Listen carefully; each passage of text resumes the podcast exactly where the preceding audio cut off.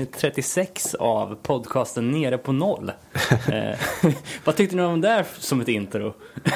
Det lät lite P1, eller Tycker P2. Hallå där. Ja, först och främst vill jag säga tack för att ni lyssnar. Vi eh, gör det här avsnitt 36 här på söndagen den, vad är det, 12 februari? dag. Ja, 14 är det ju till och med. Eh, jag, Robin Lindblad, sitter här med Danne Nätterdal Oj, oj. och David Olsson. Hej hej. Hur, hur står det till med er? Det är under kontroll, skulle jag säga. Nyss så hade du en lång utläggning om att du var förbannad. Vad har hänt? Ja, det ska öppna en ny skivbutik här i stan. Så föreslår jag för Danne att vi skulle åka dit på fredag, när de öppnar. Får man veta att han redan har varit där. Va? Ja, jag fick, en VIP-inbjudan på, på eh, ja, förhands eh, shopping. Ja, okej. Hittade du något bra då, eller? Ja, för fan. Är det så? Jag slog till med leprakliff med rövsvett. så nu har jag officiellt tagit steget mo- ett steg mot att bli rövsvett-fan. Jag tror bajspunkare tror du skulle säga. Men... Men köpte du något mer eller? Nej, inget mer. Fanns Okej. det något annat värt eller? Eh, Jag stod först och tallade på en uh, Battery Leading Generator-platta, men sen så såg jag att inlayet var mögligt, så då skickade jag det. uh, nej, det var väl ingen sådär superupplevelse för samlare av eh, New cardcore från 88 till 92, men eh, det är potential och kunna bli en riktigt bra skivbutik tycker jag. Jävligt bra koncept också, bara öppet en dag i veckan så man kan fokusera sitt skivköpande. Men det är kul. Skivbutiksdöden har ju varit lite i Örebro på senaste tiden. Nice Price la ner här för några veckor sedan och eh, Banana Moon har ju levt kvar ganska länge. Men Jag läste att- Banana Moon har funnits, nu kommer jag inte ihåg, men det var sjukt många år. Då. För länge eftersom den är så jävla risig. Men Records and Stuff i Örebro kan ni kolla upp. Fett. Idag då, vi kommer foka ganska mycket på den här oj slash punk slash nu även hardcore-festivalen Pretty Shitty Shell som går av stapeln i påsk. Säg det snabbt du. ja, vi säger bara PSK, PSK, PSK. Och eh, vi kommer intervjua den ansvarige, ehm, Utgivaren. ja precis, eh, Niklas heter han va? Japp. Och prata lite med honom om festivalen, eh, lite om OJ i allmänhet och specifika band eh, och tips och sådär. Så det kommer lite senare. Eh, först ska vi följa upp förra veckans, eller förrförra veckans eh, rekordavsnitt, i alla fall i längd. Eh, över tre timmar första gången. Eh, vi snackade om Epitaph Records eh, och vi fick en hel del feedback. Någon som skrev att det var bästa avsnittet, det var gött. Ja, precis. Det är var- all feedback som det. Det, det, det är så det ska vara, kort. Kort och koncist ja.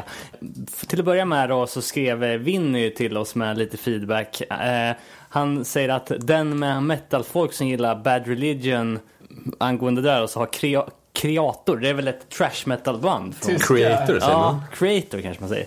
Han, Lack of heat! deras eh, gitarrist tror jag, eh, Mille Petrosa har en Bad Religion t-shirt på sig i den klassiska Betrayer-videon. Eh, det är ju återåt kopplingen till eh, att met- även metalfolk gillar Bad Religion. Eh, och sen så, eh, Eller, eller överstrukna kors. ja exakt. och sen så säger han även att Eddie Vedder sjunger på en låt till Recipe for Hate, Watch It Die. Men det var det vi lyssnade på ju. Ja, det, det var det nog. Ja. Och ehm, sen så tipsade han också om en dokumentär som heter The Other F-Word som ligger på Youtube med eh, mycket fokus på Jim från Pennywise och hans papparoll och turnerande och sådär. Men det tror jag jag också snackade om va? Ja, Vi pratade om boken. Ja, just det. Precis, Precis. så The, The Other F-Word är ju eh, filmatiseringen, typ, av hans bok. Eller de har gjort en, en film på samma tema i alla fall. Just det. Sen så säger han också att eh, Tim Armstrong är också konstnär och säljer sina tavlor för skitmycket pengar. Ja, Eh. Det där var helt sjukt. Jag visste inte om det, så jag gick in och kikade lite på det. Eh, jävligt klina grejer, måste jag säga. Ja, Är det lite såhär stencilsprayat eller? Ja, men li- lite som man, som man skulle kunna tänka sig. Fast det är jävligt snyggt. Men mycket pengar Du tänker alltså. att det skulle vara fult eller? Nej, men s- s- lite mer konst än ett, eh, ett vanligt eh, rancid poster. Liksom. Han säger också att han har en polare från USA som berättar att eh, Tim Armstrong nu är i mycket bättre shape när han har spolat kröken. Så att, eller spola, spolat allt snarare. Men vad jag skulle säga om hans konst då? För då, det låg ju typ en, på, på någon sorts ställe man kunde köpa hans konst då. Eh, han hade 20 olika, det var litografier, alltså typ Prints. eh, limiterade prints. Eh, 20 stycken olika. Det kan finnas, vad fan var det, 150 ex av varje. Och den gick för 300 dollar styck. Samtliga slutsålda. Vad? Så det är ni, Jävlar. 9 miljoner i snabb huvudräkning. Helvete, ja det är bra med, med deg för honom då. Så kan bara, när vi snackar om de rikaste punksen-listan, så har han ju en bra sidoinkomst. Fanns, men fanns det original och sånt också eller? Nej. Sen eh, Johan Lunig skrev också om den här The Other F-Word eh, och la upp trailern i kommentarsfältet till senaste avsnittet. Eh, han skrev att den här filmen är värd att leta upp om man inte orkar läsa Jims bok om livet som punkfarsa. Han och många andra mer eller mindre punkfarsor eh, bjussar på sig själv. Nästan så man som småbarnsförälder får en tår i ögonvrån ibland. Eh, filmade under processen som fick Jim att hoppa av Pennywise. Eh, så det kan ju vara en bra insyn i den. Måste fan ta och kolla på den alltså. Sen så skriver Mark att eh, trummisen som spelat i typ alla band någonsin heter Josh Freeze. Eh, Vandals, Devo, Nine Inch Na- Nails, A Perfect Circle, Weezer, Guns N' Roses, Offspring, Suicidal, Replacements och så vidare. Jävlar, fan det var en bred palett den snubben traumar på alltså. Ja, verkligen. Han är tydligen the go-to guy direkt när ett band behöver en snabb inhoppare på turnéer eller skivinspelningar. Sen var det en massa hypande av Offspring också, lite otippat. Ja, precis. Det är ju då en person som heter Stefan Wrenning som skriver eh, att eh, bra podcast, ni borde pumpat Erik på mer anekdoter. Eh, Mer, vi höll ändå på på tre timmar. Ja. Och vi satt här i fyra och en halv. Men ja, visst. Lite- Det är del två kanske ändå. Lite feedback angående hur ni tänkte om Offspring i avsnittet. Eh, han säger att det var lite väl kort i jämförelse med de andra Epitaph-banden som ni pratade om. Eh, 1994 stod Offspring för något i stil med 95% av bolagets försäljning och det är helt och hållet tack vare dem som Epitaph blev det bolag som de till slut var under 90-talet. Eh, han tänker på den eh, svindyra Rancid-inspelningen. Eh, vilket band hade genererat de stålarna för att kunna genomföra det? Eh, Att eh, Offsprings hopp till Columbia motiverades av att BG skulle ha gjort en Rancid-tatuering är befängt. Eh, de här grabbarna hade sina vanliga kneg kvar när Smash exploderade och började sälja. Samtidigt som Brett lägger ner all tid och kärlek och pengar på knark, Rancid och att festa runt med kändisar, typ Richard Branson.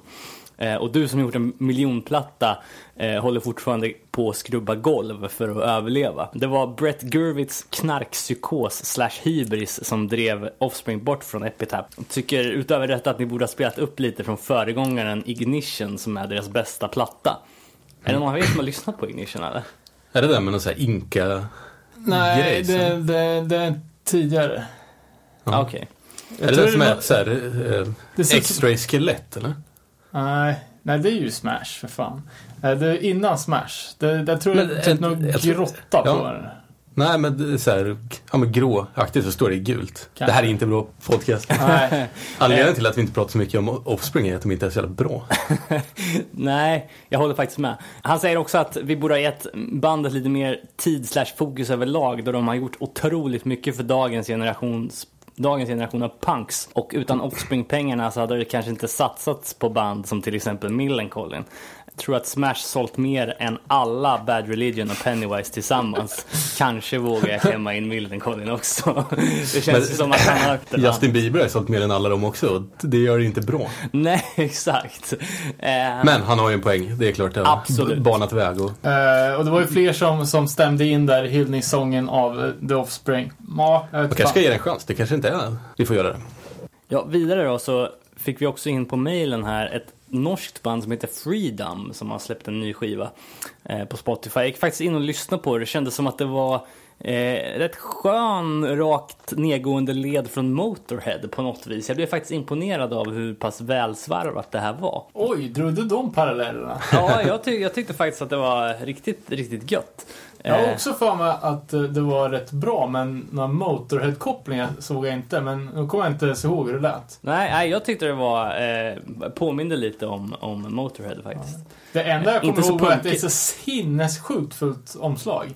Ja, det var faktiskt, med tanke på, det var ju det som man blev chockad av kanske också när man, när man satte på låtarna. Att fan, det här låter ju välsvarvat liksom, inte, inte så pajigt som omslaget.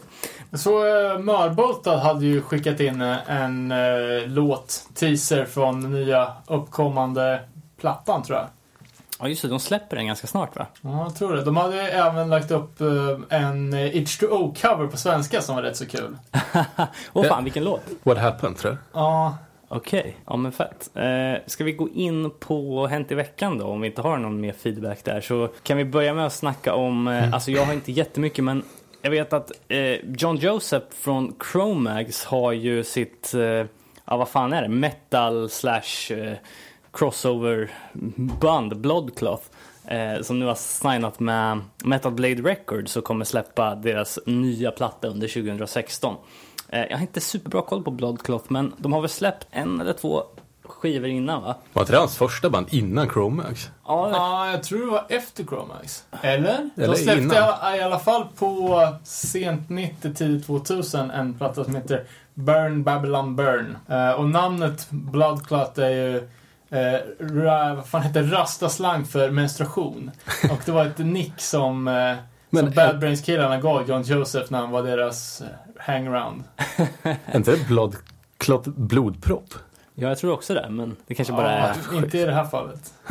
Men eh, roligt. Undrar vad det var som fick honom att få det smeknamnet. Eh, Den historien skulle jag vilja höra. De ska i alla fall släppa en skiva under 2016 och signat till Metal Blade. Inte super förväntansfull på att det skulle kunna bli bra. Ja, för att ja, den eh, Burn Babylon Burn var ju bra i alla fall. Ja, Och Harley har ju också släppt sin soloplatta ute nu. just det. Som vi har nämnt ett par gånger.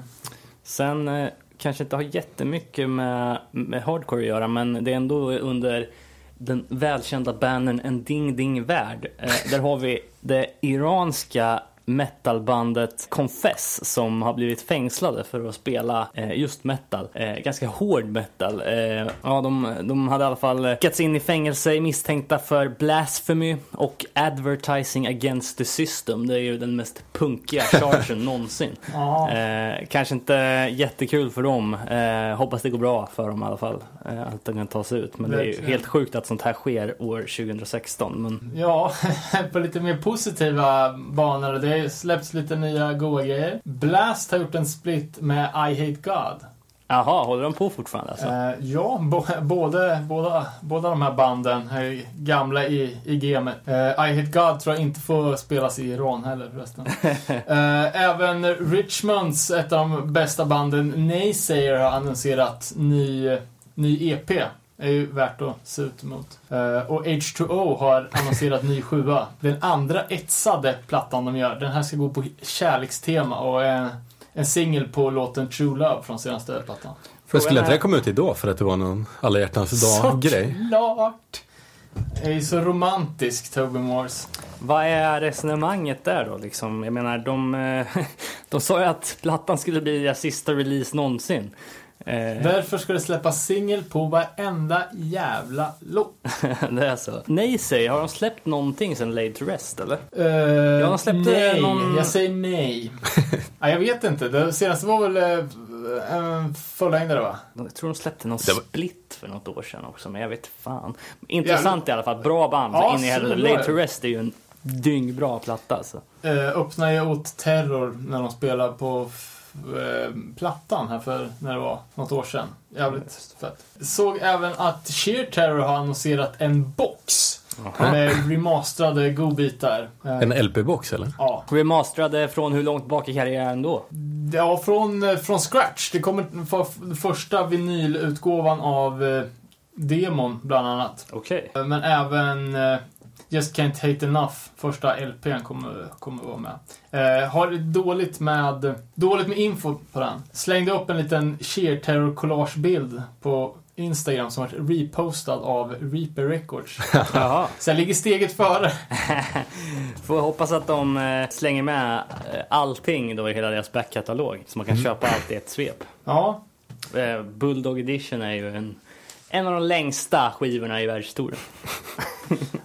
Eh. 30, 39 eller 40 spår i alla fall. ja, ja, men det är ju någon typ av samlingsplatta. Ja. Sen har det annonserats massa coola gigs. Eh, det som först var Foreseen och uh, Lowest Creature gig på Gula Verka, Villan har verkar ha blivit uppdaterat till en festival. Thousand Strong Fest. Eh, och uh, ytterligare tillkommer Negative Self, No Choice och Personal Habit lira. Så det kan ju bli något man måste dra på. Hade du något datum på det? Det är 27 februari, så det är bara några veckor kvar. Eh, sen, eh, man kan ju inte anklaga dagens punkare för att ha dålig framförhållning, för eh, 18 juni är det annonserat att eh, Örebro Oisen eh, i Frenzy 4 ska lira med Lost Warning från Malmö som kommer snacka lite senare om här i avsnittet. Just På, på Klubb Peking. I Norrköping alltså. Ja, jag gissar det ja. Eller om det är Kina. Och toppar, toppar framförhållningslistan den här veckan är ju eh, 10-årsjubileet av eh, klubben Dead Rhythm. Som har, ska göra någon, typ av fest på det här och det är alltså 30 september. Fan, det vore kul att få tag i de snubbarna någon gång. Alltså, för de har ju tryckt så in i helvete i Västerås de senaste åren. Alltså. Ja. De har ju verkligen hållit liv i den där scenen. Alltså. Och De sätter ju upp spelningar jämt. I alla fall eh, om jag tänker tillbaka på mitt Facebook-flöde så känns det Ja. som att de hostar Vad fan, vi får väl ta och ringa Ronny och göra någon eh, intervju inför festen. Det tycker jag verkligen. Så var det en jävligt fet spelning i Örebro också. Med, Ja, det klockar ju in precis vad, vad vi har suttit och hyllat som eh, Sveriges bästa fullisar det här året. Utveckla. nej, nej, jag kommer inte ihåg när det var, men det var ju Viagra Boys Uh, Viagra Boys och Rotten Mind. Rotten Mind, ja. Det. Creature i Örebro. på Eh, Harrys av alla ställen. kommer kommer eh, mogendansarna få avecken i vrångstrupen. Ja men eh, fett. Det är ju en killer lineup alltså. Eh, sen har det varit en brand till i mitt område. Den här veckan har de bränt ner ett grillkök. Okej. Eh, det här är visserligen ungefär 200 meter utanför den arean som de tidigare tio bränderna har varit på. Men Han expanderar. ja, det är, for, det är fortfarande varmt i kvarteret. Fy eh, fan. Och eh, om man tänker efter så 200 meter åt det andra hållet så brann det faktiskt ner en bilverkstad för två år sedan. Där eh, en person dog också. Okej. Så, ja, jag vet fan. Det är, allt, är, allt är som vanligt hemma hos mig. Fy fan. Eh, Vad har ni lyssnat på i veckan då? Jag har lyssnat rätt mycket på Vi- Viagra Boys. Vi fick ju den här i, när det nu var. Jag tror också att de kanske har potential att bli stora snart. Jag hörde dem på P3 i veckan. Asså? Ja, då sa de att hans Strage hade sagt att det var Stockholms bästa band. Och så sa de att de hade en tjackig nerv i musiken. Ja, det får man väl eh, lov hålla med om. Jävligt konstigt att ha en tjackig nerv och spela långsamt. Men det kanske, det kanske går att få ihop. och inte så jävla radiovänligt att spela åtta minuters låtar. Men jag, jag tror att de hade klippt lite i den. All right, radio edition. För annars är det ju fan, det är månadslön in varje gång den spelas. Det är bara stimpengar. Åh fan. Ja, själv så fan jag eh, fick lite feelings förra gången. Jag grävde fram Fort Monkeys och har blästat den med varv. eh, även eh, The Melancholy Collection. Eh, Sen... Eh, Och jag, jag fick den nya Millencolin LPn, eller EPn. Va? Ja. Vad fan, det har inte jag fått. Och ändå beställde vi samtidigt. Ja, men. Det säger Ja, Nej, det var bra. Det funkar bra att sjunga på svenska. ja, vad fan, den eh, E20 Norr är ju... Eh, Det är jävla känsla för. Ja. melodier typ och bara... Ja. Så det var bra. Det är kul att se. Den eh, 12-tummaren som vi eh, annonserade i förra avsnittet är ju redan utsåld. Sålde slut på preordern på en helg. 500x i bara, ja, vanlig enkel svart vinyl. Så kul att se att det, det går att, att sälja plattor även 2015. ja, verkligen. 16. 2016. själv, själv har jag lyssnat på ryska Youth Crew-demos. Okej. Jag random beställde lite från... eh, Straight and alert. Straight and alert här. Eh, innan jul var det väl? Ja, det var precis innan nyår. Jag tror det var på nyår. Ja. Det var sista dagen att beställa så jag satt, inte vet jag. Så det är ett sånt sjukt stort land men jag har absolut noll koll på, på musiken. Så Ja. utbilda mig nu. Ja, ja, jag vet inte. Grudge Buster var det första. De, de kör på engelska. Eh, och det är ju alltså väldigt stereotyp sån old school som är populär nu. Alltså mer stompigt. Ja, Eh, får man säga oj-influerat. okej. Ehm, och det andra bandet ut var Ripped Mouth som kör på ryska. Okej, Som var faktiskt ännu bättre. coolt namn. Eh, ja, alltså fan det är kul att eh, hitta lite udda godbitar ute i demo-kassettsdjungeln. Finns det något ryskt band som har slagit internationellt inom hardcore punk? Eller in, inom någonting överhuvudtaget. Ja, jag vet inte fan inte vad jag kan komma på så här top of mind. Vi alltså. får vända oss till våra lyssnare och be dem tipsa oss. Det enda relationen vi har till Ryssland är väl typ eh, band som man känner som har varit där och, och spelat liksom. Men, och att det finns en hardcore-scen liksom. På något sätt. I alla fall i Sankt Petersburg och Moskva Ja. och sådär. Men, Men är det inte där det är så jävla sketchy? ja, det var ju mer alltså... Eh, Du vet att de hittar spikbomber på scen och... Jaha, okej. Ja, vet Ja. fan. Ingenting annat som har hänt sen sist eller? Nej, jag tror inte det. Vi måste ju prata om det. Danzig. Ingen podd är komplett utan att nämna Danzig en gång. Ja just det, han hade varit i ropet igen här i... Han var, han var med i någon trailer för tv-serien Portlandia. Ja, det var ju hysteriskt roligt. Och det, det tar ju faktiskt Danzig till nya nivåer i självdistans. Ja, eller? Vi som har suttit och pro proklamerat att han är... Ja, Den men- människa på jorden som har minst självdistans.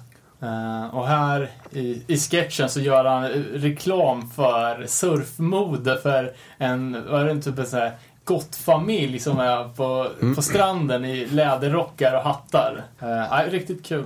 Jag såg även eh, X-Files med Tim här i Ja, veckan. du gjorde Jag tänkte precis Ja. fråga det. Vad, vad är resultatet då? Har du också sett den? Nej? Han var inte med jättemycket, det var så här tio minuter i slutet. Men Med eller utan skägg? med skägg, utan, utan hår. Okej. Lite plumsig. ja. Det är bra betyg. Men han gjorde inte bort sig, tycker jag inte. Ja, fett. Vi eh, ska... Eh, Jag ska plugga för en grej till också. Den eh, 29 är det vegan, vad säger man, vegan, vegankväll på Rockbaren här i Örebro. det ser vi fram emot. Vad, vad är, bjuds det upp till då?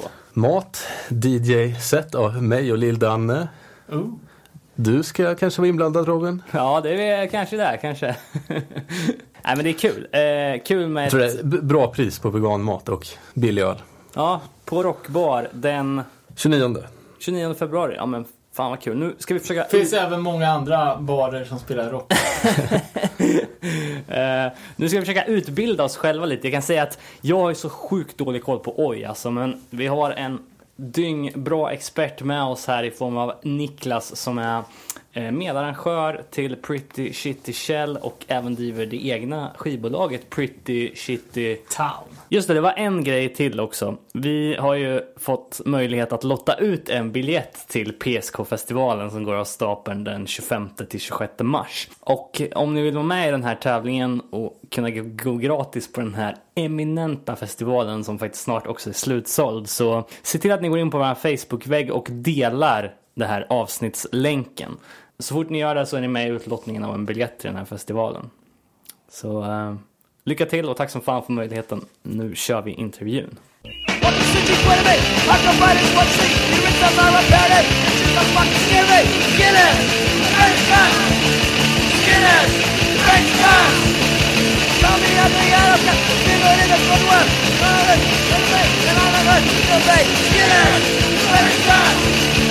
Get it! Great gun! Tell me I'm the out of Single in the good one. All it, and me, and all of it. You'll be. Get it! Great gun! Get it! Great gun! Smash this down to this we do. No one's gonna mess with you. Take off on we ain't afraid. Angry kids, so here I sing. What the sleepy planet? I can fight one thing. It's not my panic. It's just a fucking scary. Get it! Break down! Get it! Break down! Get it! Break down! Get it! Break down! Eh, ja, då har vi Niklas Törnblom, en av eh, arrangörerna till Pretty Shitty Shell-festivalen här på, på tråden som ska coacha oss lite i, i ojpunk-träsket. Och vi ska snacka lite om, om festivalen och om banden och sådär. Hur är läget? Jo, det är lugnt där. Laddad till tårna här tänkte jag säga, men ända upp till fontanellen. Ja, fan vad nice. Det. Så, ja, men det ska bli kul. Och det, som sagt var, jag tycker att eh, majoriteten av alla där ute borde su- supporta er podd, för den är grym. Det är många nätter på jobbet som har räddats tack vare den. Ja, men man tackar, man tackar. Nice. Man undrar ju direkt så här, ni har den här festivalen planerad nu. Var va, va kommer namnet ifrån? Det är ju ett ganska specifikt namn. Man undrar ju vad, lite vad referensen till det kom ifrån. Ja, men, ja, men exakt. Alltså, det hela började med att eh, vi eh, är två skivbolag som har gått ihop för att göra det här. Eh, som har arrangerat lite små gigs eh, runt om i Sverige under bra många år. Och sen eh, hade vi en gemensam idé om att få Coxberry till Sverige 2010. Eller vi började redan rättare sagt 2009 med arbetet. Och eh, det var en eh, match som var ganska svårslagen till en början. Det var inte världens lättaste band att få till Sverige. Men efter ett år ungefär så lyckades vi. Och då, då kom ju själva idén, vad ska vi heta för någonting? Vad, och det är ju det att jag har ett skivbolag som heter Pretty Shitty Town och Robert Kolberg har ett skivbolag som heter Shell Hell. Då vart det att slå, där kommer det ifrån. Okej. Men Coxbear, de har aldrig varit i Sverige tidigare alltså? Nej, alltså vi hade dem första gången i Sverige då 2010. Okej. Tillsammans. Ja, eh, det var första gången och det märktes på biljettförsäljningen för vi sålde 700 biljetter på 36 timmar. Jävlar. Och det, det var Ja. första festivalen? eller? Det var först, eller egentligen, det var bara en endagars då och sen var ju vi råpeppade efter det där så då satte vi oss ner efter gigget och snackade och sa att jag tror att Sverige behöver ha ett eh, lite större arrangemang just i, med oj och eh, om man säger oj för vi har ju inte bara kört oj. Det, och eh, så sa vi det, men vi testar att köra en två dagar. Vi vinner eller försvinner och sen har vi bara mosat på sen dess. Ja, nej, för vi som har gått på de flesta hardcore-festivalerna i Sverige de senaste ja, 15 åren har ju liksom alltså... Det spelar ingen roll hur bra band det är på dagordningen. Det är ju alltid glest. I alla fall. Så vi blir liksom så smått chockade när vi börjar märka att okej, det finns liksom en ganska smal subgenrefestival i Sverige som, eh, som säljer slut på 700 biljetter och folk liksom... Ja, folk står i kö för att köpa biljetter och de kommer liksom inte in. Ja, Så Nej, det, men så, Men har det alltid sålt slut eller? Ja, det har stått slut. Alla år har den gjort. Faktiskt. Vi har haft, det är ett väldigt generöst problem om man säger. Eh, har, att vi har en utsåld festival varje år. Men eh, alltså jag, vi har funderat lite på det där. För att vi har, alltså grejen är så här att vi, PSK är en festival i- som vi liksom, vi inriktar den i miniformat på klubbscen. Och mycket av våra tänk har alltid varit att det är för scenen, av scenen, för scenen. För vi har liksom inga sponsorer, inga mellanfickor. Och liksom vi vill väldigt att det ska vara familjärt inom scenen. Även fast vi försöker bredda så mycket som möjligt. Men jag vet inte, alltså, jag tror att det är just det avsaknaden av att det aldrig någonsin har funnits en sån här festival i Sverige överhuvudtaget. Har det inte. Och att den kom ner som en liten bomb i scenen. Och sen har det väl blivit lite också eh, Folk tycker att det, liksom, eh, det hör till att åka på PSK under påskhelgen. Eh, det är så man firar påsk, tycker många nu för tiden. Det har blivit, det har blivit. Men däremot är det roligt för vi har ju otroligt mycket hitresta besökare. Alltså, I år har vi väldigt, väldigt många länder representerade som har köpt biljetterna när vi kollar i vårt biljettsystem. Och det är alltid från Australien, Vitryssland, Solmoöarna. oh, jävlar. Vart ligger Det det? är, ja, det är knappt någon som vet tror jag. Det är där ska, skatteparadis för amerikanare. Nej, men och sen är det, alltså det är otroligt mycket finnar, norrmän, tyskar. Alltså, det är väldigt roligt att se att det är så mycket folk som reser från hela Europa, eller hela världen rättare sagt nu. Ja, det, känns, det känns, ju- känns ju faktiskt helt, helt unikt. Men hur, hur tror du, om man jämför med själva oj-scenen jämfört med hardcore-scenen. I storleksmässigt liksom, hur mycket folk är det som, som, som oj-scenen liksom? Alltså AI-scenen i Sverige är otroligt begränsad. Den är väldigt liten. Alltså, jag tror nog att hardcore-scenen och AI-scenen är nog, eh, de är nog jämlika i storlek. Där de. Men eh, vad det handlar om är tror jag, att utbudet på hardcore-scenen är bättre än vad den är i AI-scenen. Och alltid har varit så. Även när eh, hardcore-scenen hade sin eh, storhetstid. Eh, många lever ju på de minnena att det har hänt mycket och så. Och folk är väldigt lätta att bli bortskämda i båda scenerna, i alla musikscener. Ja. Att, att arrangeras det för mycket så börjar man selektera vad det är man ska åka på. Även hur feta band det än är. Det lå- låter ju, låter ju rimligt. Eh, och tyvärr så ser, vi, ser, man, har man, ser man väl det här problemet alltid. Att folk eh, förväntar ju sig alltså otroligt stora bandbokningar. Och det är svårt som fan att leva upp till det. Alltså, Ja. här. Men du, för, för de oinvigda lyssnarna då, kan du på ett kortfattat, enkelt, det behöver inte vara så kortfattat här, men på ett enkelt bes, be, sätt beskriva, vad är oj då? Ja, det är den eviga frågan. Det är, det. det är samma. Vad är punk? Vem är punk? Alltså det är skitsvårt. Men alltså, för min del så kan jag säga att det är en andra vågens punk som kom runt 1980. Alltså punk för rännstensungar skulle man kunna säga istället för den här finodlade konstfackpunken. Det funkar ju Skinheads Herbert liksom, och väldigt att det spred sig runt om i hela landet i England istället för bara London. Arbetarklasspunk, alltså gatumusik, är det för mig. Ja, nej för... för ehm, jag tänker direkt på att, liksom att det finns väldigt tydliga paralleller till, till den... eh, Alltså till, till den amerikanska hardcore-scenen som också, som också liksom kom någonstans där runt 1980. eh, Och som var liksom ett uppror mot den gamla, eh, ja men liksom Sex Pistols-punken. Liksom att Exakt. det var nerskalat och mer, mer gata liksom och ja, inte så mycket krusiduller. Ja, men det var exakt det jag försökte säga, alltså som jag menade att det här är ren gatumusik i mina ögon och istället för liksom att det är den här utstuderade punkrocken som var, som vi säger med Six Pistols och allt som var runt om där.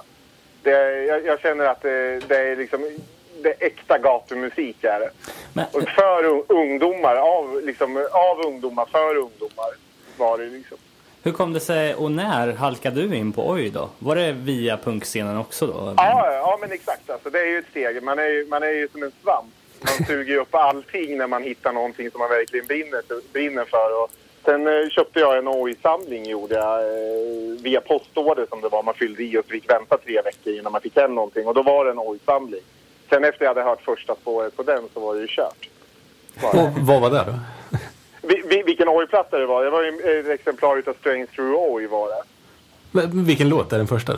Nej, men alltså den första låten jag hör, hörde på den, ja du jag kommer knappt ihåg vilken utav, vilken utav låtarna det var. Men just alltså första budskapet i hela plattan och omslaget och allting. Man satt ju nästan och var eh, halvnervös när man såg den. Och när, när, när var det här då? Vilket år? Oj, oj, det kommer... Ja, Oj, år- Vilka frågor ni ställer.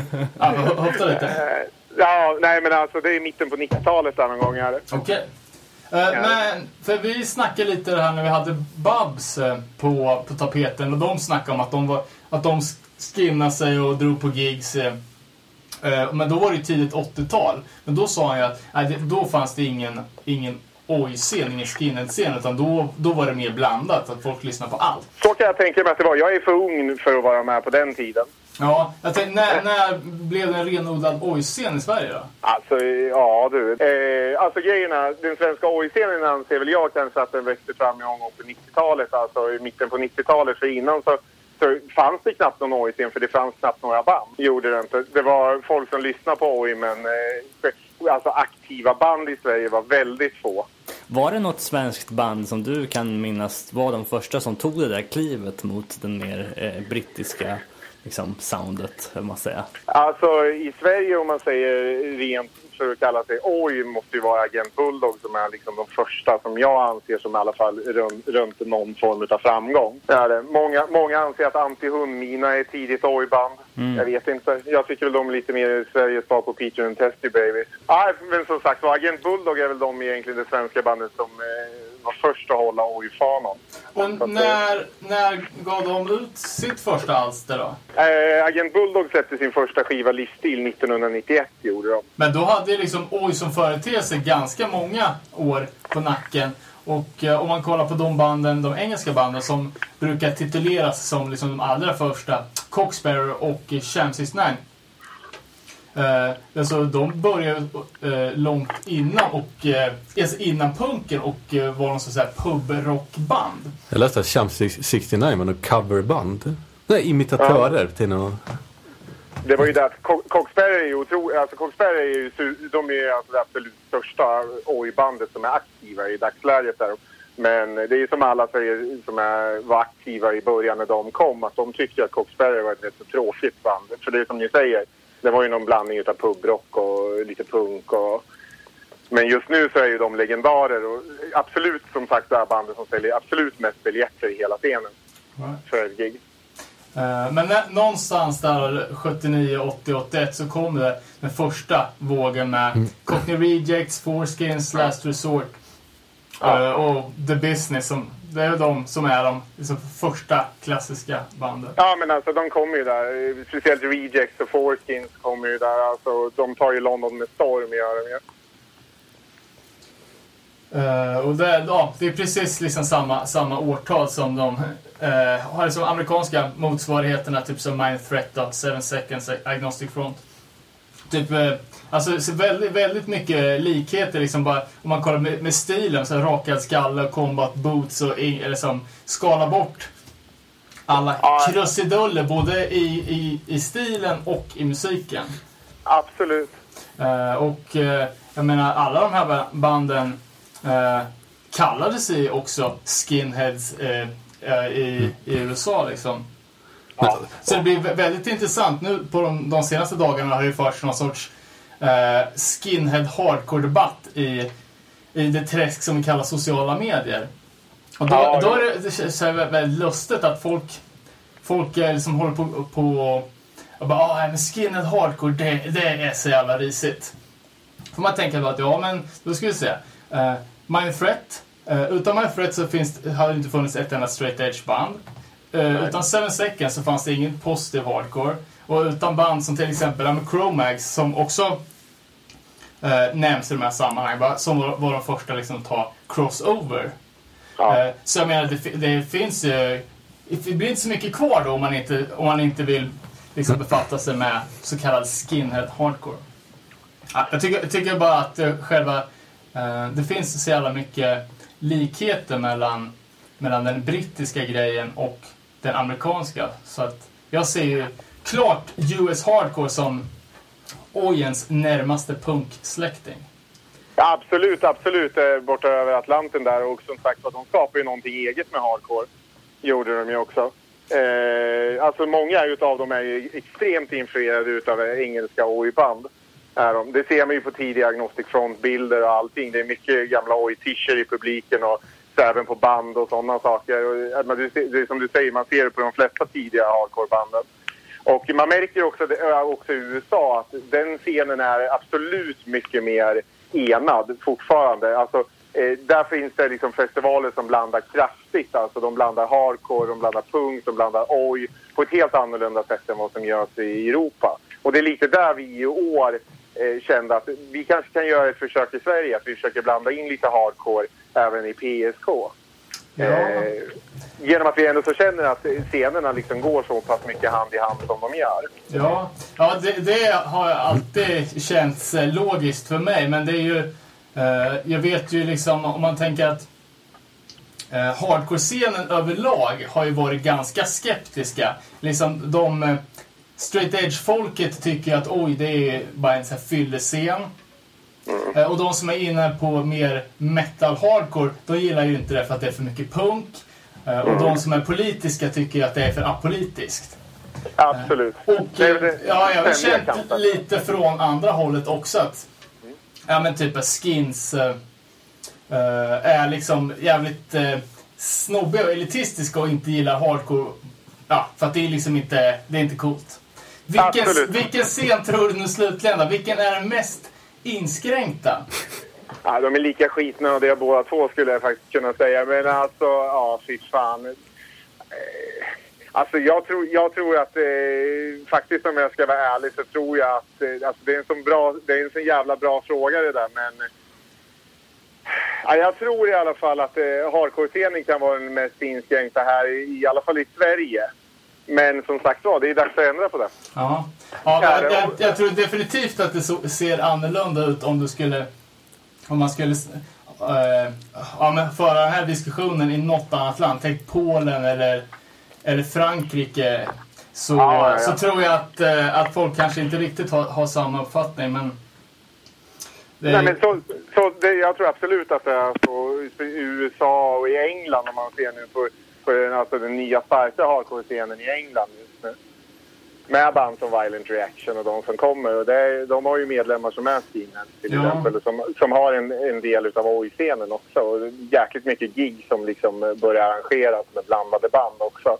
Men så är det väl i USA. This is Hardcore brukar väl också ha oj-band? Ja, alltså, ja, This is Hardcore vet jag inte om de har kört så jättemycket oj-band. de har väl... fan heter de nu då? Hardskins Det- brukar ju lira. Det brukar vara typ Ja. sista, sista bandet ut. Ja, men, ja, just det. Men det ser ju samma liksom som Force Reality från USA. Alltså, som, som är ett oj-band som även har ett hardcore-band och de är folk från hardcore-scenen och de spelar på jättemycket hardcore-gig. Men i grund och botten så är ju Force Reality ett oj-band och Ja. alltid har varit det.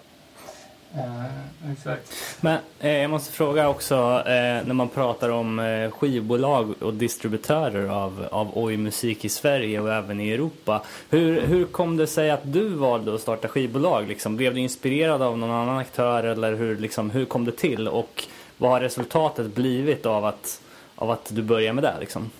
Äh, Alltså, det har ju alltid varit en dröm. Jag har alltid varit extremt musikintresserad och samlat på plattor och lyssnat på otroligt mycket musik. Och sen eh, var det jag och en kompis faktiskt eh, som började diskutera om att det vore jävligt roligt att släppa en platta. Men det var ju på den tiden det kostade 30 000 att pressa en CD-skiva. Så det, det var ju inte direkt att man kunde casha upp med det på en gång. Men eh, sen efter ett tag när vi hade sparat lite pengar och så där, då fick vi erbjudanden om att släppa en vinyl 7 med ett svenskt band som heter The Clichés eh, som är ett par vänner. Och eh, efter, det, efter det då rullade det bara på. Det var dominoeffekten liksom. Vart det mer band hörde av sig och man fick lite mer pengar att röra sig med och göra nya produktioner. Och, ja, det är skitroligt där faktiskt. Och det är lika roligt idag som när första plattan kom ut faktiskt. Eh, och som sagt, vi, vi har alltid varit mest fokuserade på att försöka släppa så exklusiva produkter som möjligt och helst bara på vinyl. Eh, CD-skivan känns otroligt död just nu eh, kundmässigt. Väldigt lite folk köper CD-skiva och vinyl är ju mycket roligare än CD-skiva. Det tycker vi alla om. Indeed. Men, men har, har ni signat bara svenskt eller har det även varit liksom, europeiska och amerikanska band? Nej, inget amerikanskt än så länge. Vi har faktiskt varit på jakt efter lite amerikanare och sådär. Men det är svårt på grund av att det, det är svårt med distributionen eh, till USA. För det är så fruktansvärt dyrt att skicka grejer dit. Mm. Men, ja, men vi har även eh, engelska band. Eh, har vi, släppt, vi har faktiskt släppt ett eh, band från Barcelona här nu för ett tag sedan. Och, eh, vi har, eh, England är väl som sagt majoriteten utav det. Så ja, men det är skitkul här och hoppas att det fortsätter rulla på. Sen är det kul att se. Man har, vi har några storsäljare liksom, och det är skitroligt att se att intresset fortfarande finns för fysisk musik.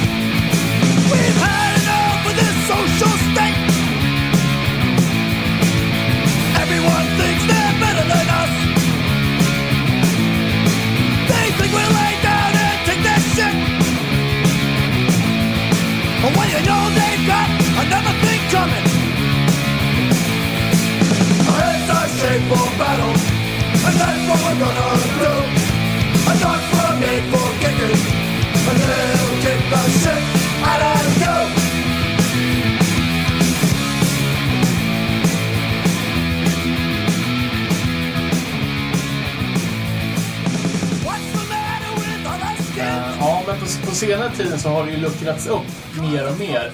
Eh, Man ser ju, eh, framförallt inom old school hardcore så är det ju väldigt mycket oj-influenser.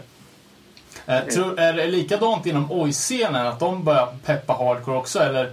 Ja, jo men det får man, det får man väl se. Alltså, jag, det tycker jag väl. Att det är mer och mer band som börjar eh, rikta in sig lite mer mot eh, hardcore-scenen eller musik, musikstilsmässigt. Men jag kan väl tycka att eh, det kanske är dags lite mer för oj-scenen att öppna upp sina sinnen för hardcoren om man säger.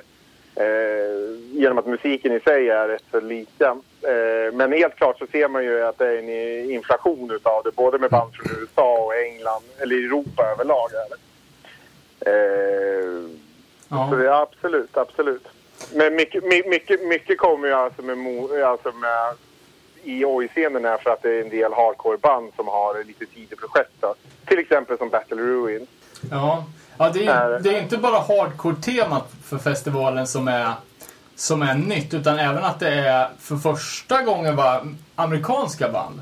Ja, vi har haft Templars förut har vi, eh, från USA. Det är enda det. amer- amerikanska bandet vi har haft. Men alltså, vi är extremt öppna för amerikanska band. Men det som har varit, satt lite käppar i hjulen är ju att det, det kostar ju så jävla mycket att flyga in ett amerikanskt band till Sverige. Men jag har fått intrycken att folk i, eh, som gillar oj inte gillar amerikansk oj. Kan, kan, det, kan ha någonting i det? Nej, det tror jag inte. Det känns som att eh, amerikansk är jäkligt populärt i Sverige faktiskt om jag ska vara ärlig. Speciellt right. Templars. Templars har ju ett extremt starkt eh, supportskara här i, Sverige. All right. Ja, ja, det ser man.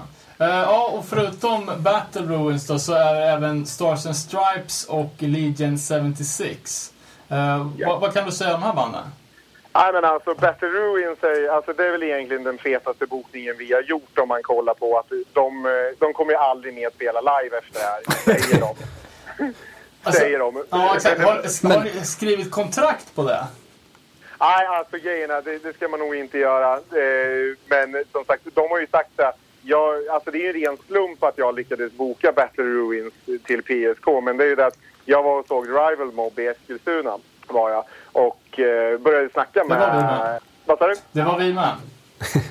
Ja, ni var också där. Härligt. Eh, så jag stod faktiskt och snackade med dem utanför. Och då började vi snacka om just att vi har gemensamma vänner från USA. Jag har jagat Battle Ruins faktiskt eh, lite innan hade gjort att jag ville ha på dem till Sverige. Och eh, vi stod och snackade lite skit där när de stod och sålde merch utanför där. Och eh, sen bytte vi mailadresser i alla fall. Så jag drog en chansning bara någon vecka efter och drog ett mail. Och det var väl inte så jättepositivt i början för att de, just för att de ville bibehålla sig och inte lira live. Men efter eh, en liten övertalningskampanj där så började de mjukna lite grabbarna. Och som sagt, de ville göra Sverige. De eh, ville se mer av Sverige. Fick mer smak efter de hade varit i Etuna. Right. Ja, för jag har hört ryktas om att det har sålts eh, biljetter till folk från USA som åker hit bara för att se Battle Ruins. Ja, men det är sant. Eller mestadels kanske. Ja, ja, nej men alltså så är det. Jag snackade med, en- med alltså, en kille som är eh, bandet, absolut, alltså han är, han är extremt bra polare med dem och en gång i tiden så var det tilltänkt att han skulle lira gitarr i Battle Ruin. Men han sa det att jag bor 250 meter ifrån eh, basisten men jag får åka till jävla Sverige för att få se dem live. så eh, men du vet, det, kostar ju lika mycket för dem att ta sig till Sverige. Så de har ju varit rätt så knäckta, amerikanerna över att de får ta sig till Sverige för att få se ett band. Men de sa, de sa det också liksom att de fixar inte riktigt, alltså de vill inte lira i USA. De sa vad fan kan bli bättre än att åka till Sverige och se liksom, lite. Det blir- Ja, men. Men är Battle Ruins eh, stora i oj-scenen? Ja, det är de. Alltså, alltså, det finns nog... Alltså, ni har väl sett vad deras skivor och så går för runt om på nätet. Alltså, det, det, de är stora. Det kan man inte förneka. De har ju en hype som är utan dess like. Ja. De har det- inte funnits så jättelänge va? Nej, nej, nej. Absolut inte har de inte gjort det. Demon Ja, kom ut 2009 tror jag. Ja. Ja, det, ja, det gjorde de. Och ni har ju sett alltså, demon på kassettband, den går ju för en lax på Ebay Ja. ibland. Sjukt. Ja, Ja. det är, ja, det är rätt sjukt liksom hur folk kan åka från USA för att kolla på ett band som totalt har släppt 13 låtar. Ja, ja. Nej, men det är helt sinnesstört. Är det. Eh, men, och från Australien. Liksom. Ja, ja, ja det är ännu värre. Ja, Men du, du sa, du sa rollspels-oj. Är det liksom lite, ja men eh, typ eh, ett rollspelsband? Om man så är så att eh, de gör det lite med glimten i ögat eller? Garanterat. Det är jag helt hundra på att de gör. Det var det jag Men de gör, tänkte. de gör det ju jävligt bra också, gör de. Och, eh, ja, men det ska bli skitkul. Och, och just det, det vart ju liksom en dominoeffekt över att när vi gick ut med att vi hade bokat Battle Ruin så hörde ju Stars, eller Stars and Stripes slash Slapshot hörde ju av sig till oss. Bara för att de ville köpa biljetter. Ja. Jack, ja, han vill, Jack Kelly ville köpa biljetten. Eh, och eh, sen efter då drog han frågan. Ja, ah, men ni är inte intresserade av att ha Stars and Stripes lirande? Och då var det, ja men givetvis, det är klart att vi är intresserade. Ja men skitbra, vi, för vi ville jätte, jättegärna spela. Och sen Legion 76, de hörde av sig själva. De är besökare på festivalen. Och då liksom eh, via Victor i Lions-lag faktiskt så hörde de av sig och sa att ja, men vi kommer ändå som besökare. Hur vore det om vi kanske fick spela en 30 minuter? För det är bra, det är bra PR för oss. Och då sa vi, men självklart liksom.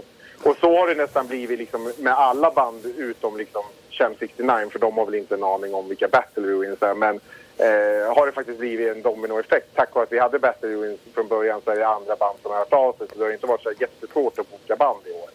Men får jag fråga då, hur tas band som Battle Ruins och Stars and Stripes emot av själva oj-scenen? Jag tänker på om de gör det lite med glimten i ögat. Jag menar, eh, exempel från straight edge-scenen med band som Shark Punch och eh, sådana band som liksom öppet driver med, Mm. med hardcore och men ändå gör det hyfsat bra tycker jag. Det kan ju bli lite Ja. sura miner inom, inom just eh, den typen av... Ja exakt, för Stars and Stripes är ju också, alltså det har ju pratats om huruvida det är ett semiskämt. ja, exakt. Ja, ja nej men absolut. Alltså grejerna att eh, jag tror det är lite 50-50 där för att eh, vissa tycker att det är skitroligt och svinbra medan andra liksom blir personligt stötta utav det. är det. Ja, just att, eh, jag själv tycker att det är svinbra och har alltid varit en Stars and Stripes-fan. så jag tycker att det är skitkul att arrangera deras första spelning i Sverige. Ja, och Stars and Stripes känns ju som att det har nått lite utanför oj-scenen också. Alltså i alla fall vad jag har kunnat läsa mig till. Att det är många andra, både musiker och fans av, eh, av diverse eh, som har kommit in på Stars and Stripes liksom just för att Ja. det Så är det. Men hur, hur är, det- är, är, är det samma uppsättningar i Stars and Stripes och Slapshot? Eh, På, på den här vändan så är det det. Då är det exakt samma kommer det vara genom att vi ändå så tog beslut, eller frågade faktiskt om, om de var sugna på att spela på förfesten. Och då sa de att ja, men, eh, vi kör ett eh, slapshot session på förfesten med samma musiker som vi använder i Stars and Stripes. Så det är, alltså, nu kommer jag inte ihåg exakt vilka det är, men Craig Silverman är ju med. Eh, från Ra- Ramallah och Agnostic Front nu då. Nej, för jag såg något klipp från det här, vad heter det där, i Badalona. Då, när de Ja, spelade ja. sist. Och då var det ju samma, samma gitarrist som spelade med Slapshot eh, när de spelade i Stockholm. Så. Ja, men exakt. Den, den spelningen var ju egentligen en del av Slapshots eh, turné. Det var bara att Mad tillät eh, arrangörerna i Badalona och boka dem som Stars and Stripes. Var det. Men hur, hur många gånger, alltså jag får för mig att de har spelat jävligt några gånger. Eh, Stars and Stripes? Ja. Eh, Alltså Stars and Stripes är ju nästintill mer aktiva än Slapshot i USA just nu. Right. Men det kanske, det kanske mycket har att göra med att de precis har släppt en ny platta och eh, det verkar som arrangörerna är lite mer hungriga på Stars and Stripes än Slapshot just nu i USA. För att nu, Slapshot är ju faktiskt ute på en Europaturné just nu. De spelar i Berlin ikväll gör de. All right. Är den, Planet of the States heter nya Stars and Stripes-CDn, den tredje i ordningen. Eh, Exakt. Är den ute än eller? Den är ute på CD och vinylen kommer om några månader.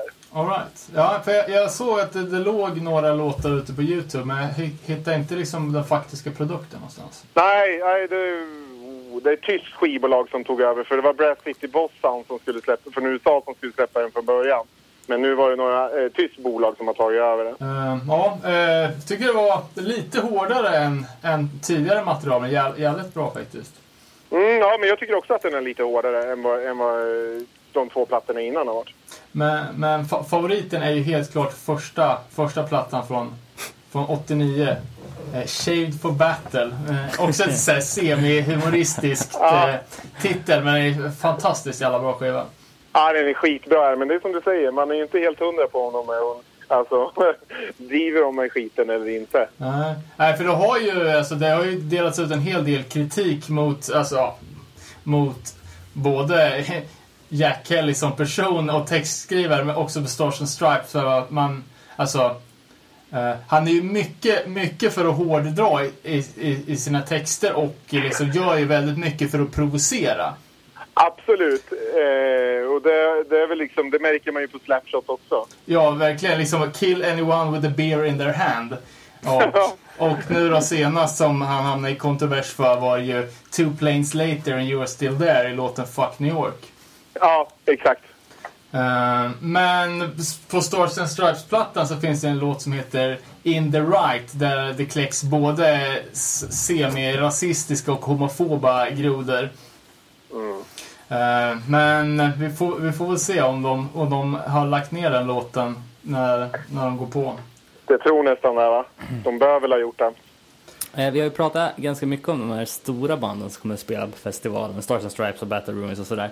Eh, de andra, Lions Law, Digital Octopus och sådär, jag har ingen aning om, om de som utomstående, icke insatt i oj-scenen. Har du lust att berätta någonting om de banden som för våra Ja, lyssnare? Ja, absolut. Alltså Lions Love, de är ju alltså eh, up and coming oj-band i Europa är de som är faktiskt jävligt populära. De spelar förband till Dropkick Murphys i Paris och de är väldigt eh, snygga posterboys för oj-scenen om man säger så. Väldigt lä- lättlyssnad musik och jag personligen tycker att Lions Love är extremt bra. Eh, digital, digital Octopus är ju ett skämt. eh, såklart, vilket jag hoppas att alla är medvetna om i dagsläget att det är.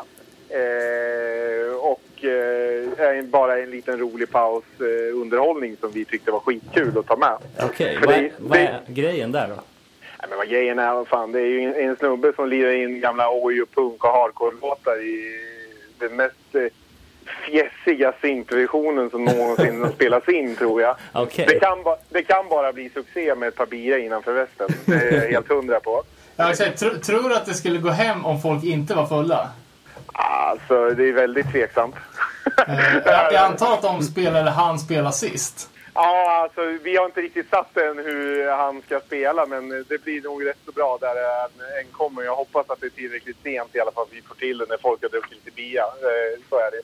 Ja, för det, det kan man ju, kan man ju, om vi snackar om att mäta hype i vad saker och ting kostar så eh, Digital Octopus har släppt en 12-tummare som, Ja. eh, som I 100x va? ja, 164x men den går Ja. ändå på 1800 spänn i, i, i snitt. Ja, det är sjukt där. Eh, Jag måste eh, fråga eh, också, det var väl inte så länge sedan som eh, Agent Bulldog var tvungen att ställa in? Exakt. Eh. Vi, har, vi har haft lite avhopp det här året eh, med band faktiskt som vi har bokat och eh, det är, väl, det är tråkigt men det är tyvärr smällar man får ta när man arrangerar en festival när man har så här många band att jobba med. Att ibland blir det avhopp och vi har faktiskt varit väldigt förskonade genom åren med avhopp. Vi har väl haft Exploited innan, alltså det är väl egentligen det enda och det är inte så konstigt med tanke på att Wotty fick en hjärtin- hjärtinfarkt tror jag. Nej, just det. Överdoserar på rakludder.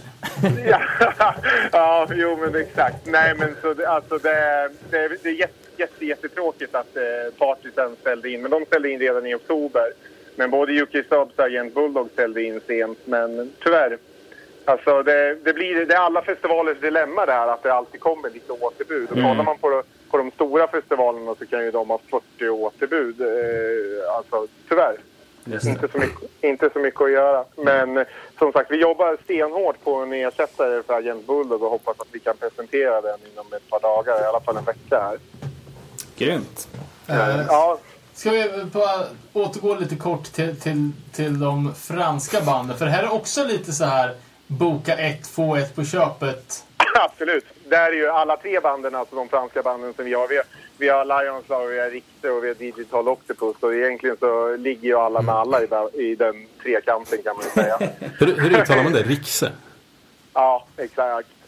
Är det. Och eh, det är ju bandmedlemmarna alltså, är ju från alla band där. Ja. Det, det, är som vanligt i, i, alltså i, i våra musikscener. Det är ju likadant i hardcore-scenen. Att det är ju, inaveln är ju gigantisk. Så är det verkligen. Jag såg också att Violent Reaction och Crown Court är samma medlemmar också. Ja, exakt. Ja, det är några som inte lirar. Då. Jag börjar Ja, men- ana tema här. Då. Ja, exakt.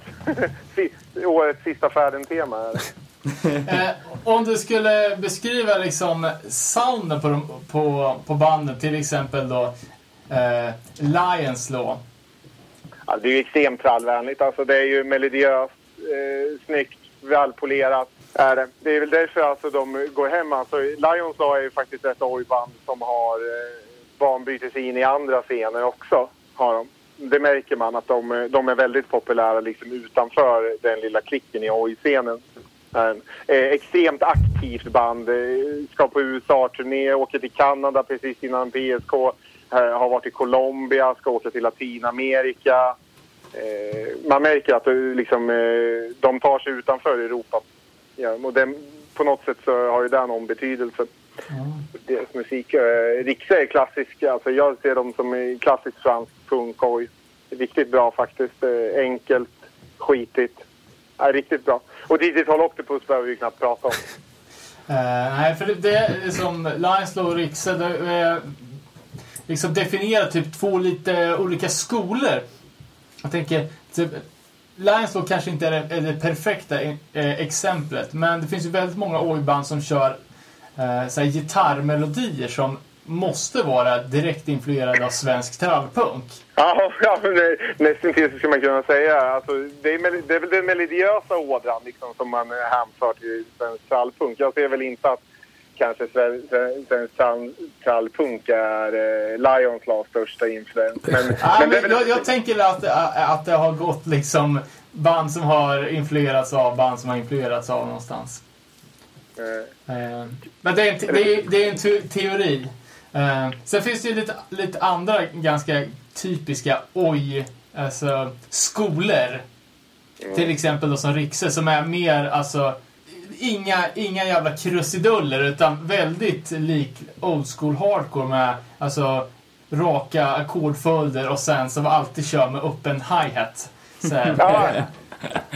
Ja, skramligt liksom.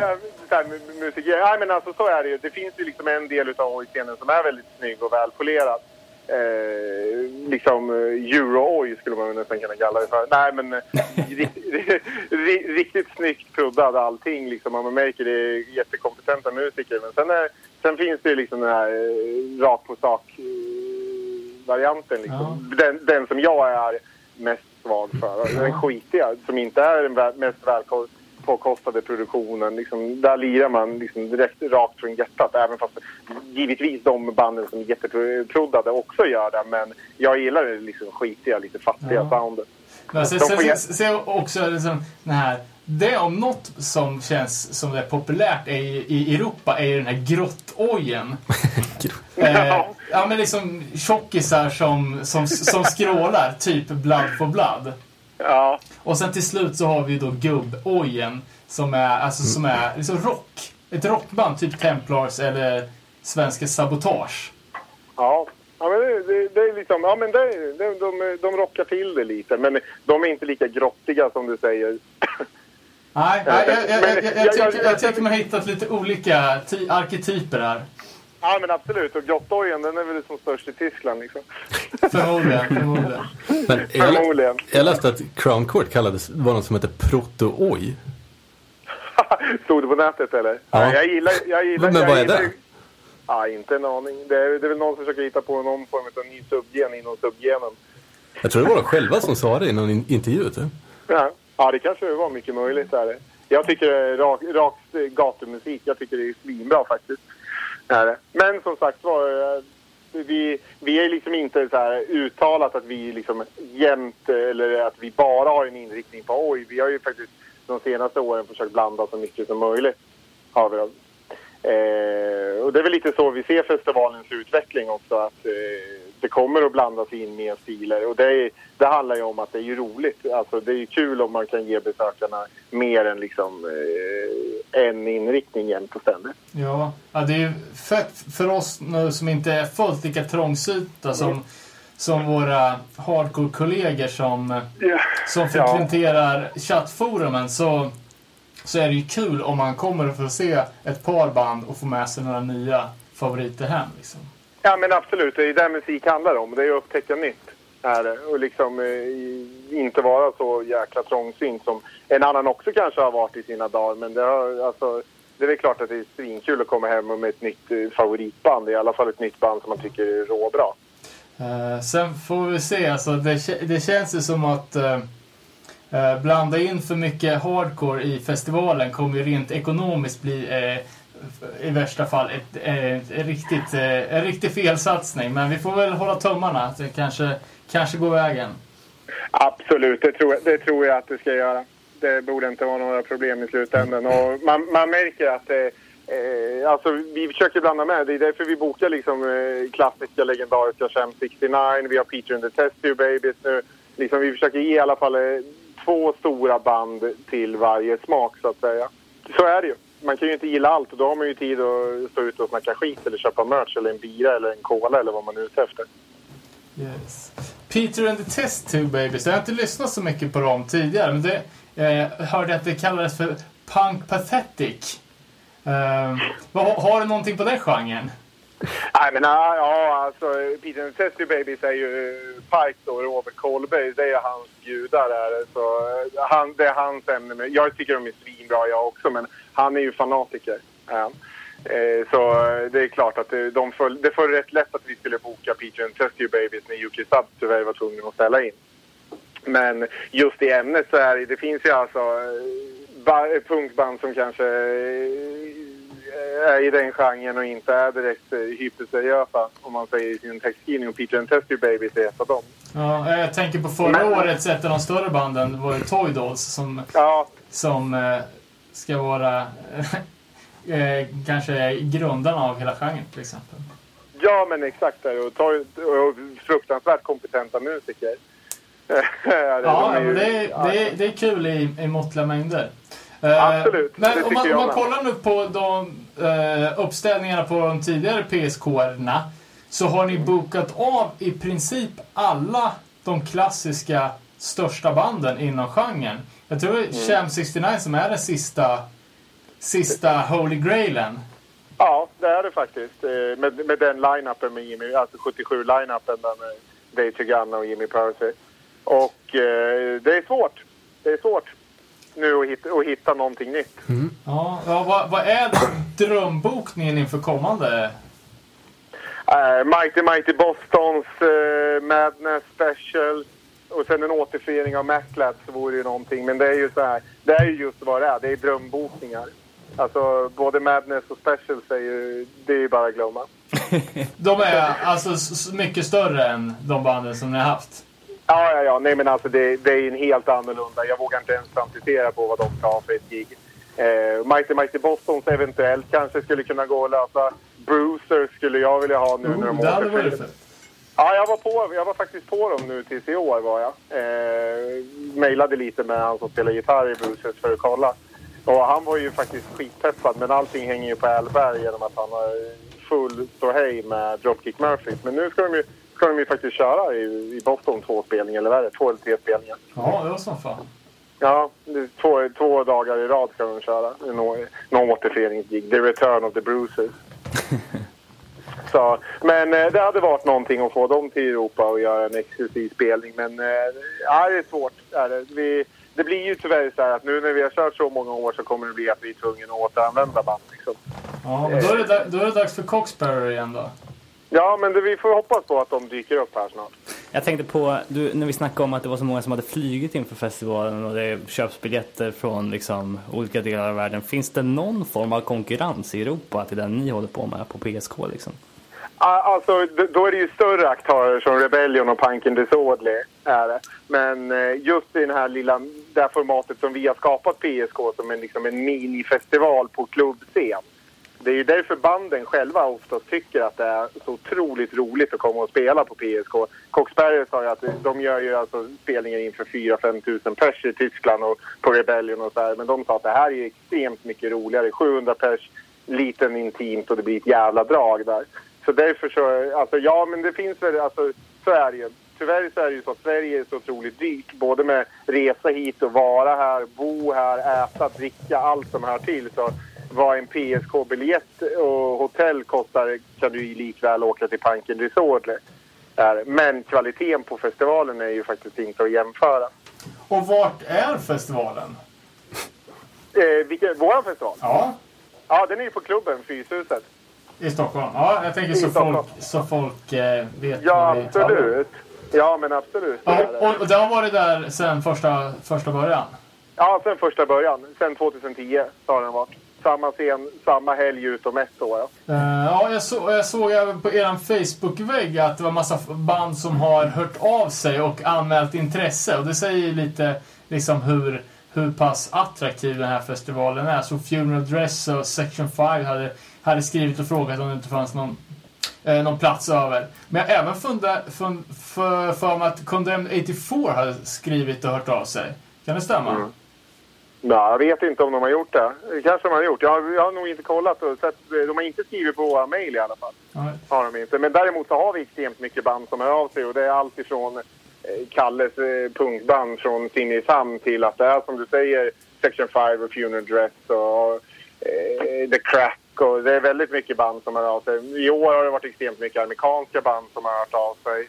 Som vill ha gra- gratis flygresa antar jag. Eh, Så är, så är det ju, så är det ju, såklart är det. Men det är ju så här att eh, det är väldigt svårt. Man, alltså man, det oftast blir det ju ett nej på band som hör av sig på grund av att vi har ju redan eh, kontakterna ute på de banden vi vill ha och kan inte ta in fler, fler band. Men eh, i år så är det faktiskt första gången vi kör en förfest också. Är det, att vi kör torsdag, fredag, lördag. Då. Eh, Men- ja. Och har, har, Och- vi, har vi för formalian sagt vad, vilka som ska spela på förfesten? Vad, vad sa du? Nu hörde jag inte dig. Har, vi sagt eh, vilka som spelar på förfesten? Och, Nej, det har, vi- vi har inte nämnt någonting om förfesten än. berätta. Ja, nej, men det kan jag göra. Alltså, som sagt, Domini-brickorna börjar ju fälla efter Battle Ruins där och Stars and Stripes hörde av sig. Och eh, då kom vi faktiskt på idén, eller vi var det faktiskt inte, det var Jack Kelly själv som hörde av sig och sa att Eh, nu vet inte jag om eh, just PSK är rätt forum, skrev han, men däremot om ni vill eh, genom att jag vet att det är så otroligt dyrt att flyga in oss från USA så kan vi även erbjuda Slapshot. Ja. Eh, för då kör vi samma lineup som vi pratade om tidigt, tidigare. Alltså samma personer i banden när vi kör Slapshot ena kvällen och Stars and Stripes andra kvällen. Men då tyckte vi, vi kanske att det var lite kaka på kaka att köra dem på PSK. Så då sa han, ja men kan ni inte arrangera en efterfest eller en förfest då? Och då tänkte vi, att, nej men varför inte? Och efter det så kom vi ju på att genom att vi ändå ska boka Crown Court så kan vi ju lika gärna eh, köra Violent Reaction där. Och eh, där var ju de sten på för att eh, de andra killarna som inte är med i Crown Court eh, och, men däremot lirar i Violent Reaction var ju sugna på att komma till Stockholm. Så det vart ju ett ja direkt. Och sen Urban Savage är ju eh, liksom, det är ju favoritband i Sverige bland oss alla tre. Så då var det inte så svårt. Då var det ju bara att höra av sig till dem också och kolla om de var sugna. Och eh, på den, på den vägen är det då. Ja, ja eh, Urban Savage vart ju omnämnda med sin... Den är i och för sig från... Eh, har ju två år på nacken nu. Let the Thunder Roar. Eh, omnämnd som en av de bästa släppen här. Men jag såg även att de har, har en ny tape-split ute, tror jag. Är det något du känner till? Ja, jo men det, alltså, de, har lite, de har mer på gång. Eh, Viktor pratade om att de hade eh, någon form av samlade alster på CD som kommer ut. Eh, och sen har de en split 7 som är på G. Eh, och sen är det tejpen som du pratar om, Ja. har de på G också. Ja. Så det är bara att ho- hoppas att något av det är ute till PSK för festen. För det här var, jag kollade upp det. Det här var ett band som jag aldrig hört talas om. Uh, Alpha Mania, tror jag. Och det här är ju alltså jävligt skum, alltså någon typ av industriell domedagsmusik. om, om ni tänker er, Var det där de skulle splitta med, eller du? jag tror att, det, att de här Alpha Mania har gjort en cover på, på Urban Savage. Eh, och det låter typ som uh, Integrity sidoprojektet Psy Warfare. Med så här 20 minu- minuters uh, ambient Oljud. Knas. Epos. Ja, fast det var jävligt coolt.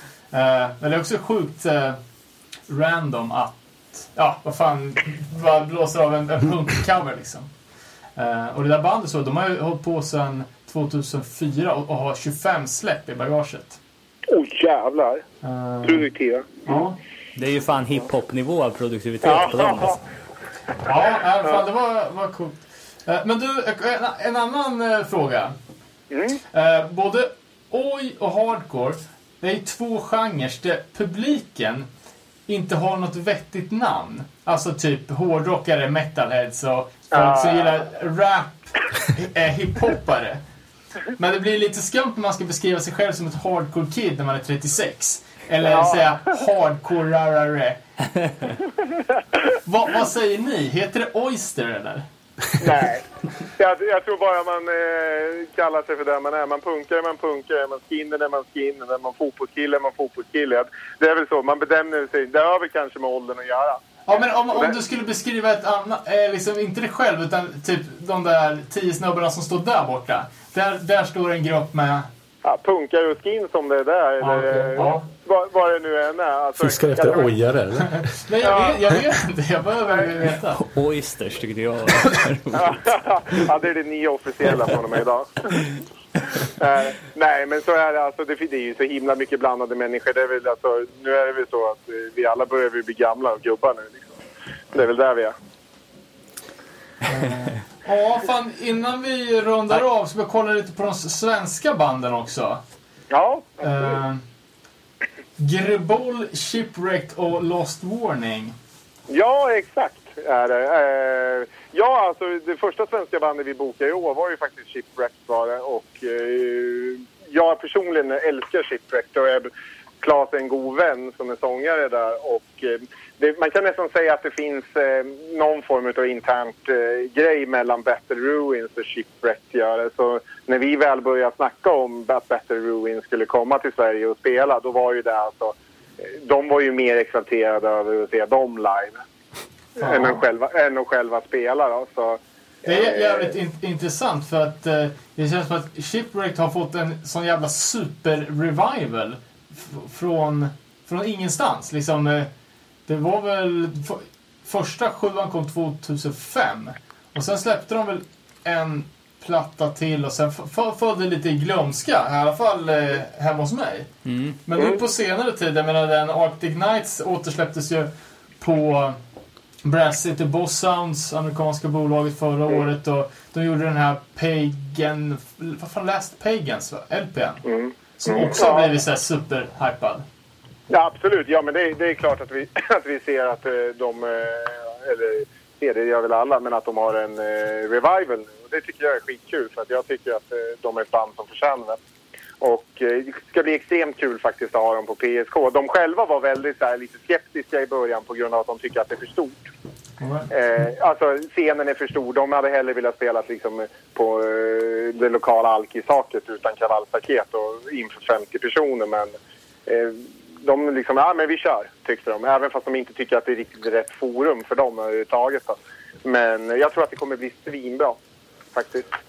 Eh, och sen Warning är ju liksom eh, också ett eh, ny, svenskt band som börjar liksom få jävligt mycket pepp runt om i Europa. Och Ja, det verkar vara en jävla hype på dem i, i Tyskland.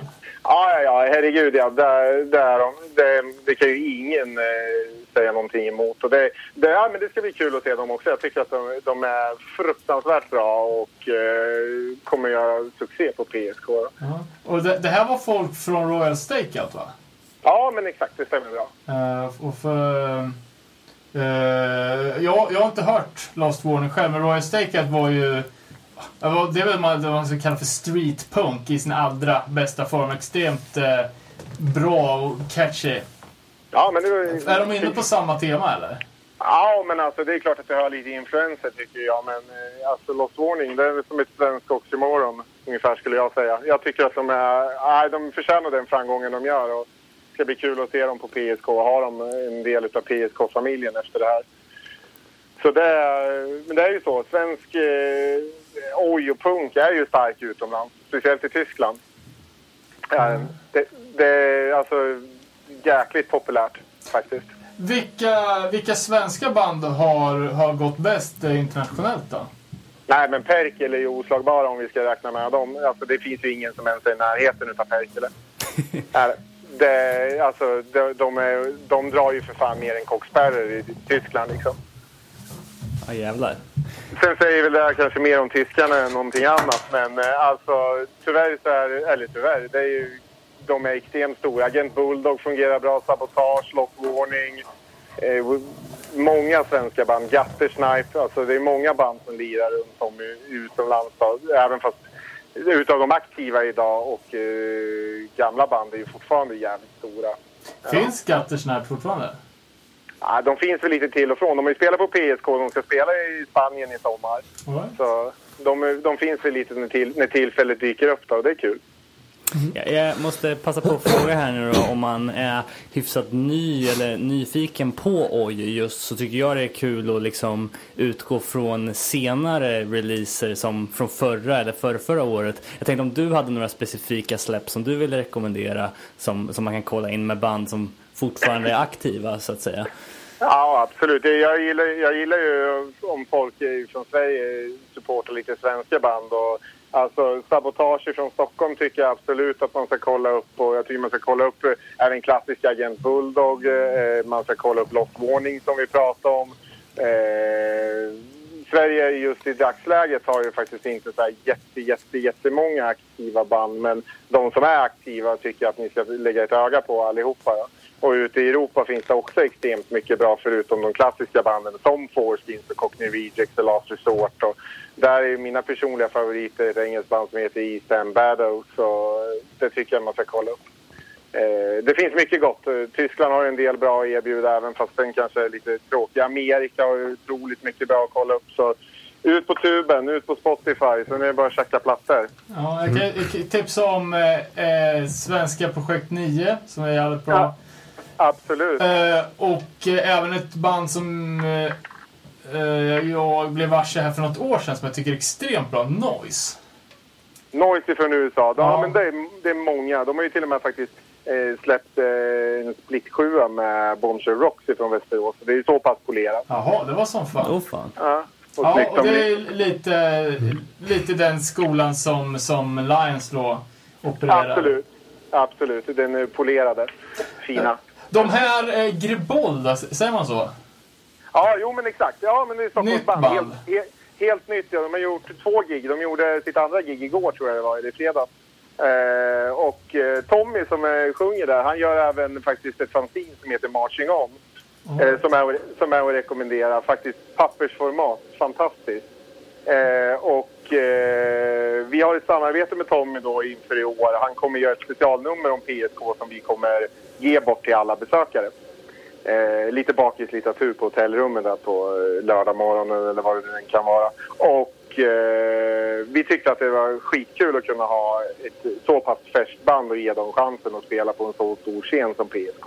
Och sen eh, tycker vi alla tre att de är skitbra. Så ja, men det är en rolig. Ja, fan vad nice. Eh, Fan, en sista fråga. Det är ju väldigt mycket snobbar som lirar.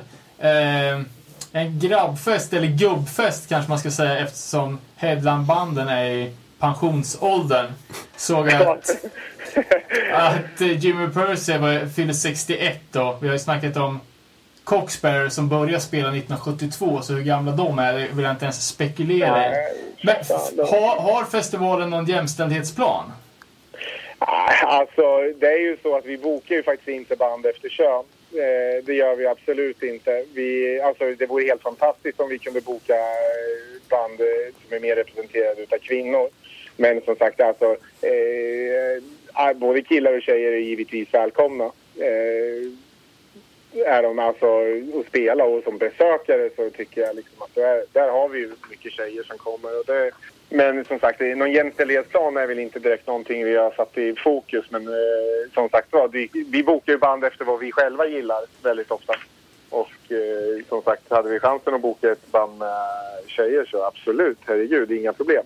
Blir till 17 då. Absolut, då dyker nog någonting upp. Det är men dags. Men eh, avslutningsvis då, om man är sugen på att komma på PSK-festivalen eller förfesten i år. vad- Kan du dra en sista gång vad det är som gäller? Vilka datum och vilken plats och vart man kan köpa biljetter? Ja, finns det några biljetter kvar?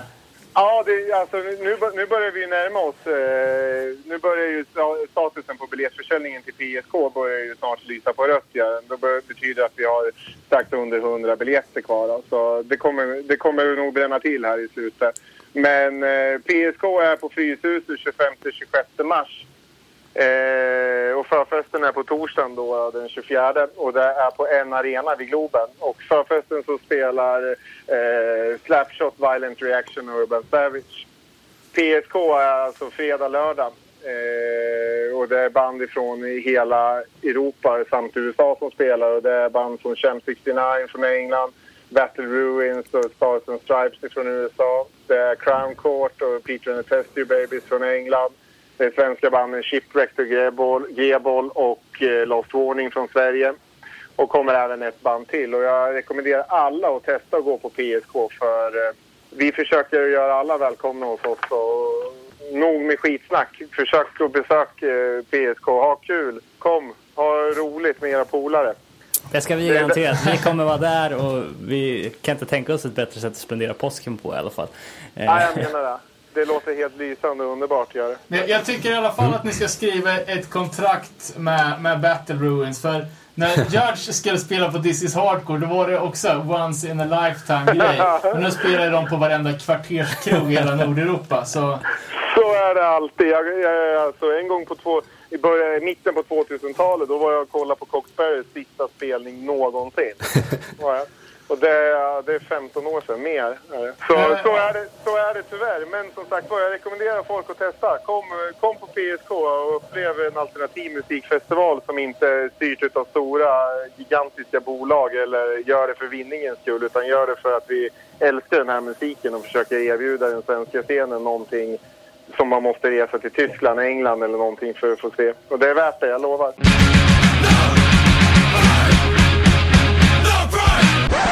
Jag måste också slänga in en sista rekommendation här. Så, eh, jag lyssnar faktiskt på de två senaste Champ 69-plattorna och är riktigt förvånad över hur jävla modernt och fräscht det låter för att då vara gjort av 60-åringar. För, det, frågan är, du vet, det, det är ju... Chem- Chem 69 är och förblir ett eh, mysterium på grund av att det finns ju två Chem 69. Okej. Så det, det är nog där du har hört. Eh, Jimmy Percy äger namnet till Chem 69 och sen eh, finns det ett annat band med före detta medlemmar som lider under namnet Chem 69. Det här var intressant. Plot För twist alltså. jag lyssnade på något på Spotify som jag trodde skulle vara bedrövligt, men det var... Ja, nej, men jag håller med. Jag tycker att det låter helt, alltså helt okej. Men det är inte, tyvärr inte där Chem 69 som kommer stå på PSK. Det var det klassiska 77 Chem 69 som står. Som är i riktiga Chem 69 kan man säga. Men det är någon slags black flag, flag-historia där då, eller? Exakt samma veva där. Men vilka, vilka, alltså, Champ som spelar hos er kör Area of Airy-låtarna. Och Ja. eh, när, liksom, när delades katalogen upp? Förstår du vad jag menar? Ah, jag, kommer, jag vet inte exakt årtal, men det, är någon, det var ju någonting som hände där i alla fall. Eh, med de olika. Och det, den ena kallar ju sig för Chem 69 Team V eller någonting liknande. och det, det är ju ett sånt som spelar på typ så här 100% hårdrockskryssningen som Sverige. Eh, med, Medan eh, där Chem 69 V har, det är ju fortfarande Jimmy Percy som helst liksom sitter i sin husvagn i England och dricker te. Och, så, så, som, som egentligen var nästintill omöjliga att få tag i för den här spelningen. Men efter mycket mejlskrivande så liksom fick vi en form av kontakt till dem och har lyckats nu att få dem hit till Sverige. Så jag tycker att det är en chans. De har ju spelat en gång i Stockholm förut, gjorde de på en arena och det var magiskt bra. Svin mycket folk och svettigt och så jag lovar, det kommer bli skitbra på PSK sen.